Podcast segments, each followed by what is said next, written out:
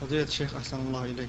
إذا رجل قتل رجلا آخر ورفع الأمر للدولة لكن الدولة أفرجت عن هذا القاتل فهل لأهل القاتل لهل لأهل المقتول أن يأخذوا بالثأر من ذلك القاتل؟ هو الأصل أن الرجل إذا قتل شخصا عمدا عدوانا لا شبهة فيه الأصل أن الذي يقتله أولياء المقتول. لقول الله تعالى يا أيها الذين آمنوا كتب عليكم القصاص في القتلى الحر بالحر والعبد بالعبد والأنثى بالأنثى. فمن عفي له من أخيه شيء فاتباع بالمعروف وأداء إليه بإحسان.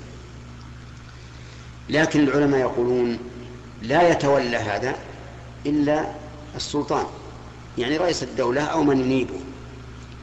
ومع هذا قالوا إن إذا شاء أولياء المقتول أن إذا شاء أولياء المقتول أن يباشروا القتل بأنفسهم وقالوا للدولة نحن نريد أن نقتله نحن نشفي آه، عليلنا ونروي غليلنا من هذا الرجل.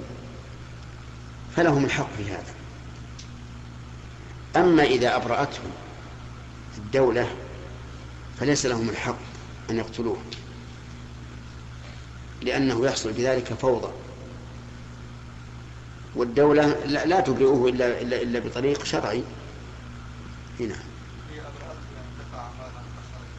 ها. يعني ما لم تبرئه بحق.